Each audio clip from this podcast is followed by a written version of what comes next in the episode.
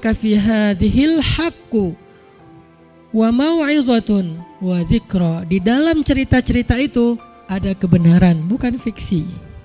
Apalagi kata Allah, mau'izah nasihat, ibrah pelajaran, wa dzikra peringatan. Nasihat kalau itu adalah tokoh-tokoh yang baik supaya kita meniru mereka. Wa eh, peringatan kalau itu tokoh-tokoh yang buruk agar kita tidak mengulangi kesalahan itu. Itu sejarah. Jadi orang yang nggak ngerti sejarah, jangan-jangan dia terjebak dalam sikap yang dulu pernah rugi orang yang melakukan sikap yang sama. Karena dia nggak tahu. Allah sering bilang, alam taro, tidakkah kamu perhatikan? Kaifa fa'ala rabbuka bi ashabil fil? Alam yaj'al kaidahum fi tadlil? Wa arsala alaihim tayran ababil tarmihim bihijaratin min sijil faja'alahum ka'asfim ma'kul. Tidakkah kalian perhatikan bagaimana Allah memperlakukan ashabul fil pasukan gajah? Allah kirimkan untuk mereka burung-burung kecil yang membawa batu yang panas.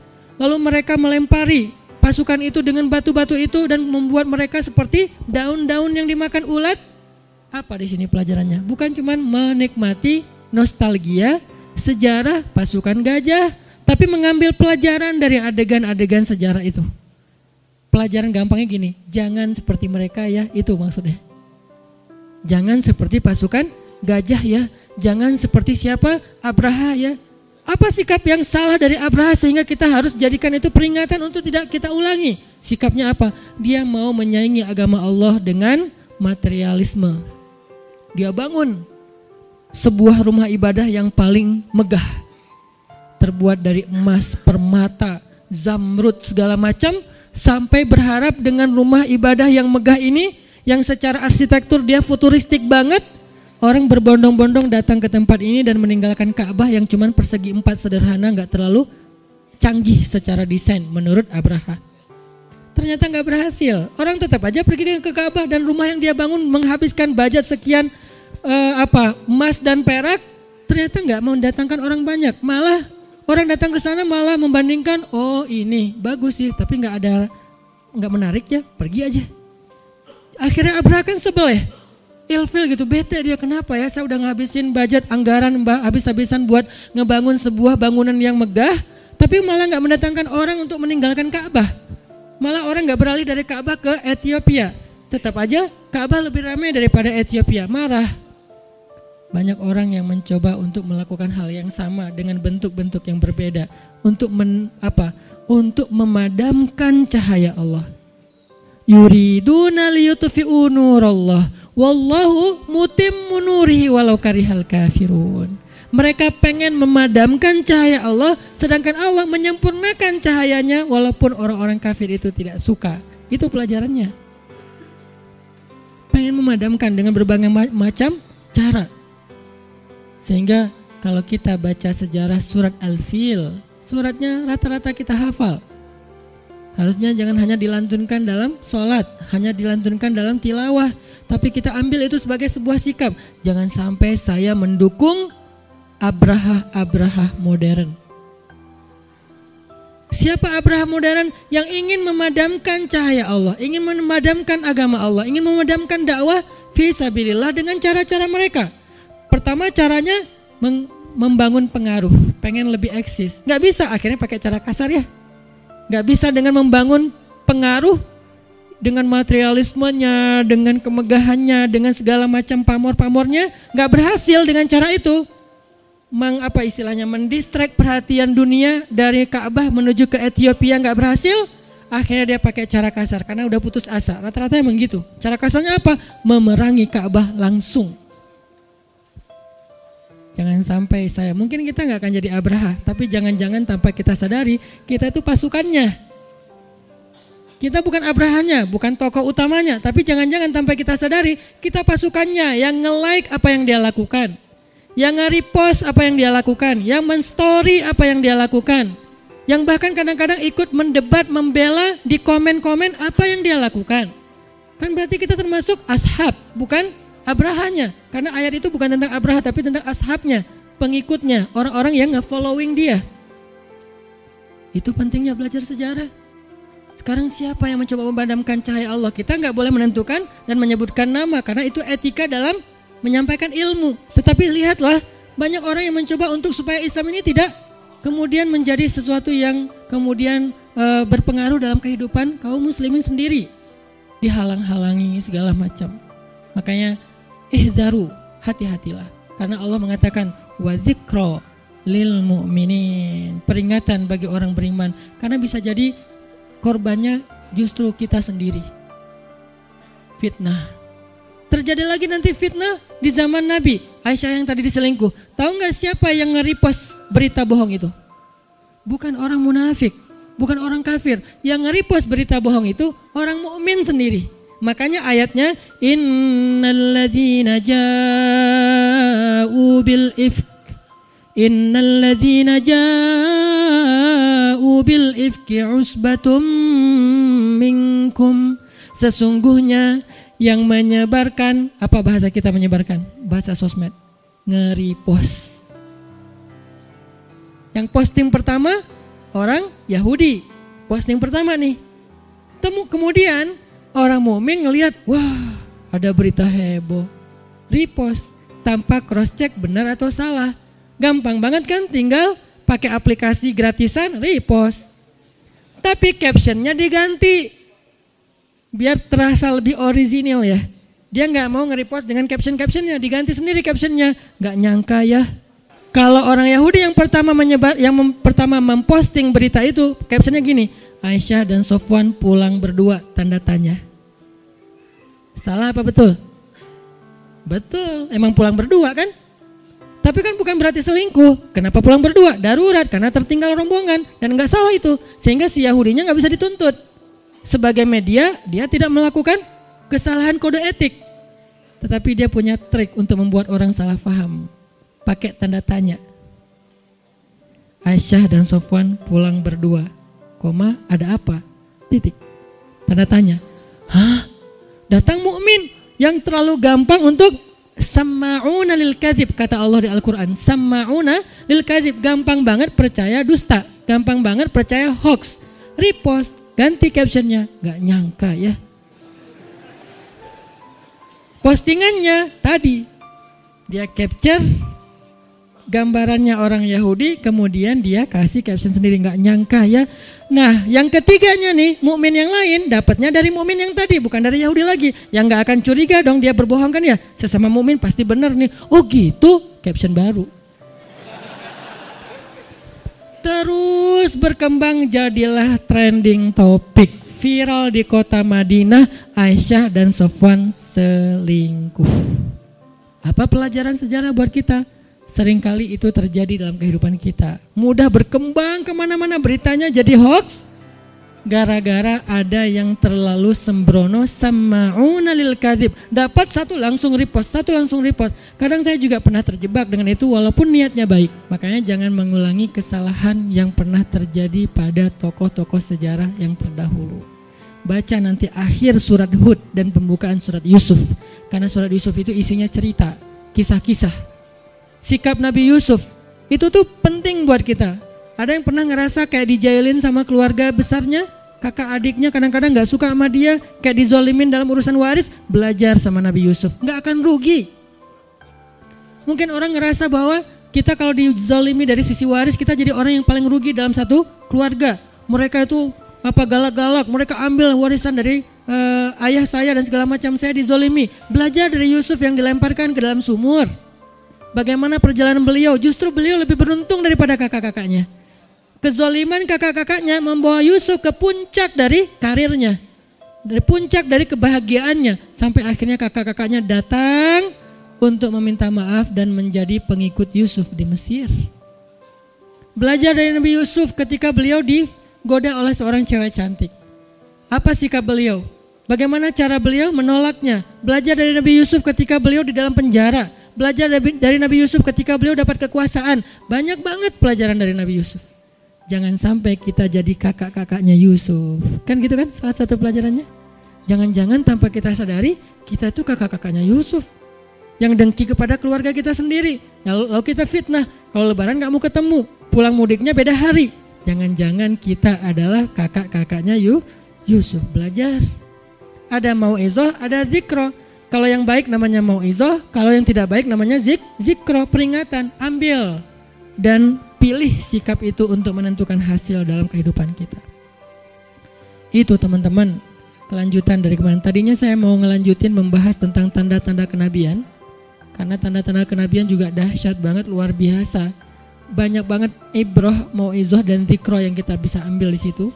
Tetapi karena saya pengen mempertegas lagi pembahasan kita pada minggu yang lalu biar kita tahu kenapa sih harus belajar sejarah. Kenapa harus baca sirah Nabi? Kenapa nggak cukup dengan sekedar baca Quran aja? Lagi pula kita nggak akan ngerti Quran kalau kita nggak ngerti sirah. Orang yang baca Al-Quran cuma terjemah, nggak baca sirah, itu kayak baca sebuah teks baca sebuah surat dari orang yang dia nggak kenal. Beda tuh. Pernah nggak baca teks chat dari orang yang kita nggak kenal, cara ngomongnya, intonasinya. Kita baca dengan intonasi kita kan? Misalnya kita baru kenal temen nih di grup. Eh, uh, kumpul yuk. Ya. Ada yang jawab? Ya. Padahal dia kalau jawab ya, ya. Tapi kita, ya. Kan beda kan? Kasar banget sih ya, nggak pakai titik-titik, nggak pakai emoticon. Dia emang terbiasa orangnya kalau teks itu dia nggak terlalu banyak gimmick ya. Kan ada orang teks tuh gimmicknya banyak kan. Ada yang kadang-kadang overdosis bunga-bunga, kaktus segala macam masukin ke teks. Ada yang kayak gitu overdosis tuh. Ada yang minimalis teks teks aja nggak pakai titik-titik. Kalau saya masih pakai titik-titik sekarang. Maksud saya tuh titik-titik itu membuat intonasinya itu rata gitu. Ya Kalau ada juga yang pakai caps lock, Y A kayak singkatan gitu. Kemudian tanda seru tiga, iya kan gitu kan ya. Nah ini ada orang kadang-kadang saya pernah eh, nggak uh, semua orang tuh ngerti fungsi caps lock, nggak semua orang ngerti fungsi tanda seru. Kalau kita nggak kenal dia, kita pikir dia kasar, padahal enggak, dia nggak ngerti. Saya pernah ngechat teman saya, beliau di daerah lah, mungkin dan beliau bukan anak muda, jadi orang yang mungkin mengenal teks ini dengan handphone nggak terlalu akrab lah ya. ya. Artinya dia ngetik apa yang dapat aja. Mungkin pas dia mencet nggak sengaja kepencet caps lock ya, save gitu kan. Udah gitu dia ngetik aja. Ini gimana matiin caps locknya? Udahlah krim aja gitu. E, Pak, ini ada gini gini gini nih. Oh iya, e, boleh. Tapi semuanya caps lock, tanda seru. Ada yang pakainya S-nya jadi Z. Zaya. apa lagi nih? Nah ini kalau kita nggak kenal orangnya nih, kita pasti seuzon kan? Tapi kalau kita udah kenal orangnya, dia emang gitu orangnya. Emang gitu dia. Kan gitu kan ya? Karena kita tak tahu orangnya, kita nggak akan ilfil, kita nggak akan jadi salah sangka. Karena kita tahu orangnya, oh dia nggak ngerti caps lock, dia ngerti tanda seru. Kadang-kadang ada yang ngirimnya emoticon yang harusnya itu cewek ke cowok, tapi cowok ke cowok agak geli kan? Masa emoticon kiss? Kan astagfirullahaladzim dia salah pencet. Dia pikir itu kayak uh, oh ya nggak uh, apa anak uhib buka filah gitu kan. Love love gitu kan uhib buka filah love-nya di mata matanya di, jadi love gitu kan ya. Uhib buka filah pakai love. Oh ya gelah sih sebetulnya tapi ya orangnya nggak ngerti ya. Makanya kita mungkin teman-teman kita orangnya kan santai gitu. Orangnya tuh kayak anak-anak muda biasanya nggak terlalu lebay gitu kan ya oh ya makasih apa misalnya. Tapi ada yang makasih ya, masya Allah, apa segala macam. Kok dia ekspresi banget sih? Nah kita harus tahu orangnya dulu, baru kita mengenal maksud dari teksnya. Maka untuk memahami Al-Quran dan Sunnah berbentuk teks, kita harus paham siroh. Kalau enggak kita nggak akan ngerti maksudnya. Pernah terjadi kesalahpahaman itu dulu di zaman tabiin. Tabiin itu artinya nggak ketemu Nabi kan? Nggak tahu ketika wahyu itu turun ada kejadian apa, tahunya cuma teks sama kayak kita, cuman mereka ketemu sahabat. Dalam satu peperangan, kaum muslimin terdesak sama musuh orang-orang Persia. Sehingga ketika terdesak, ada seorang laki-laki tabiin, tabiin itu berarti generasi ke dua yang nggak ketemu Nabi, nggak tahu sejarah Al-Quran turun, dia pakai ayat. Wahai kaum muslimin, Janganlah kalian mencelakai diri kalian sendiri. Kita udah terdesak, mending kita mundur aja, kita pulang aja. Karena Allah berfirman, mulai dia pakai ayat. Allah berfirman, "Wala biaidikum ila tahlukah." Janganlah kalian mencelakai diri kalian sendiri. Kebenaran qadarullah di situ masih ada beberapa orang sahabat yang tahu sejarah ayat itu. Dipukul dia sama sahabat. Buruk sekali pemahaman kamu terhadap Al-Quran. Kamu malah menurunkan semangat orang untuk mencari kebaikan di sisi Allah. Ayat itu turun ketika kami Nah, mulai bahas sejarahnya. Ketika kami justru meletakkan senjata kami, menjual pedang-pedang kami, tidak mau lagi berinfak fisabilillah, turunlah ayat wala tulqu biaidikum tahlukah. Kebalikannya. Ternyata maksud ayat itu janganlah kalian mencelakai diri kalian sendiri dengan cara berhenti berjihad. Sedangkan tabiin tadi memahaminya, udah berhenti aja, jangan perang lagi biar kita nggak celaka. Kata Allah justru jangan berhenti. Kalau kalian berhenti, kalian mencelakai diri sendiri. Kebalikan ya.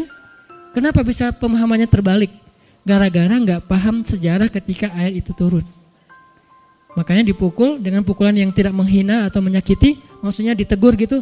Jelas sekali, salah sekali pemahaman kamu tentang ayat itu. Dulu ayat itu turun kepada kami karena kami sudah menjual pedang kami. Kenapa menjual pedang? Karena merasa kaum muslimin sudah besar, jihad udah nggak nggak perlu lagi nggak perlu lagi ada militer, nggak perlu lagi ada prajurit. Kita ini udah besar, kita ini udah berkembang, Islam itu udah ada di mana-mana, sehingga kita jual senjata kita. Dalam sejarah Islam laki-laki tanpa senjata itu nggak ada izahnya dalam sejarah Islam. Semua laki-laki dalam sejarah Islam itu punya senjata dan tahu menggunakan senjata. Tetapi dia juga ada guidance, ada fikih cara membawa senjata. Senjata nggak boleh dia membawa senjata ke tempat umum karena itu bisa menyakiti orang lain tanpa sengaja, gitu-gitulah. Yang jelas kami jual pedang kami. Kami jual onta dan kuda perang kami. Kalau sekarang mungkin mobil-mobil off-road touring yang apa misalnya kayak mobil untuk apa kegiatan cowok-cowok kayak gitulah ya, dia jual. Kami jual panah-panah kami. Kami tidak mau lagi berinfak membantu dakwah dan jihad. Turunlah ayat janganlah kalian mencelakai diri kalian sendiri. Pemahamannya justru sebaliknya. Pentingnya belajar sejarah. Teman-teman kalau baca fitnah dari orang-orang yang gak suka kepada Islam tanpa ada referensi sejarah pasti jadi bingung. Setidaknya kalau nggak jadi benci jadi bingung kepada Islam katanya Nabi itu pinter, tapi kok nggak bisa baca tulis? Nah, kita harus baca sejarah. Memang Nabi sebagian besar ulama mengatakan memang nggak bisa baca tulis. Tapi pada masa itu itu bukan aib. Kenapa bisa gitu? Karena tren belajar pada masa Nabi bukan dengan membaca dan menulis, tapi tren belajar pada masa Nabi itu dengan menghafal, mendengar, menghafal dan meriwayatkan. Maka kecerdasan Nabi bukan membaca dan menulis. Kecerdasan Nabi itu adalah mendengar langsung hafal. Satu Al-Quran ketika diturunkan oleh Jibril satu juz. Surat Al-An'am, surat terpanjang di Al-Quran yang diturunkan sekaligus. Al-Baqarah panjang tapi nggak sekaligus, dicicil. Kalau Al-An'am panjang dan sekaligus, satu juz lebih satu lembar. Berarti sebelas lembar. Jibril datang, wahai Muhammad, dengarkan firman Allah. Nabi mendengar.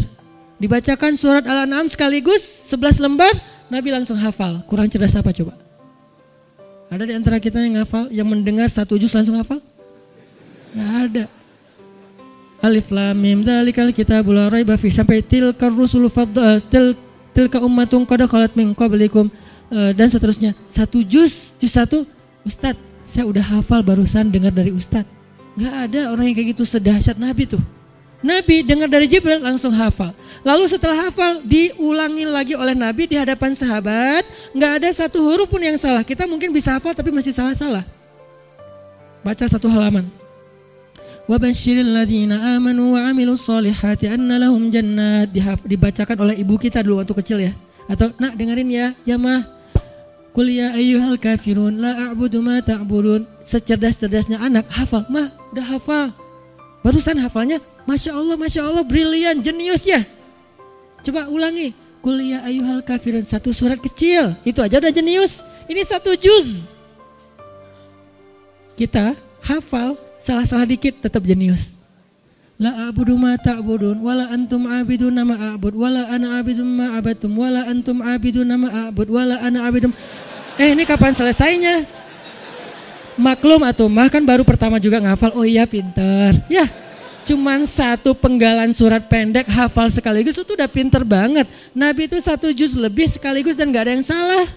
Berarti bukan berarti aib kalau beliau nggak bisa baca tulis karena tren belajar pada masa itu bukan membaca dan menulis tapi meriwayatkan dengan cara mendengar lalu menghafal. Tren itu berubah masa dulu, masa kita nih, masa saya maksudnya. Tren belajar itu menulis. Datang ke sekolah, nulis. Anak-anak, keluarkan buku catatan. Ya bu, oh nulis di papan tulis ya.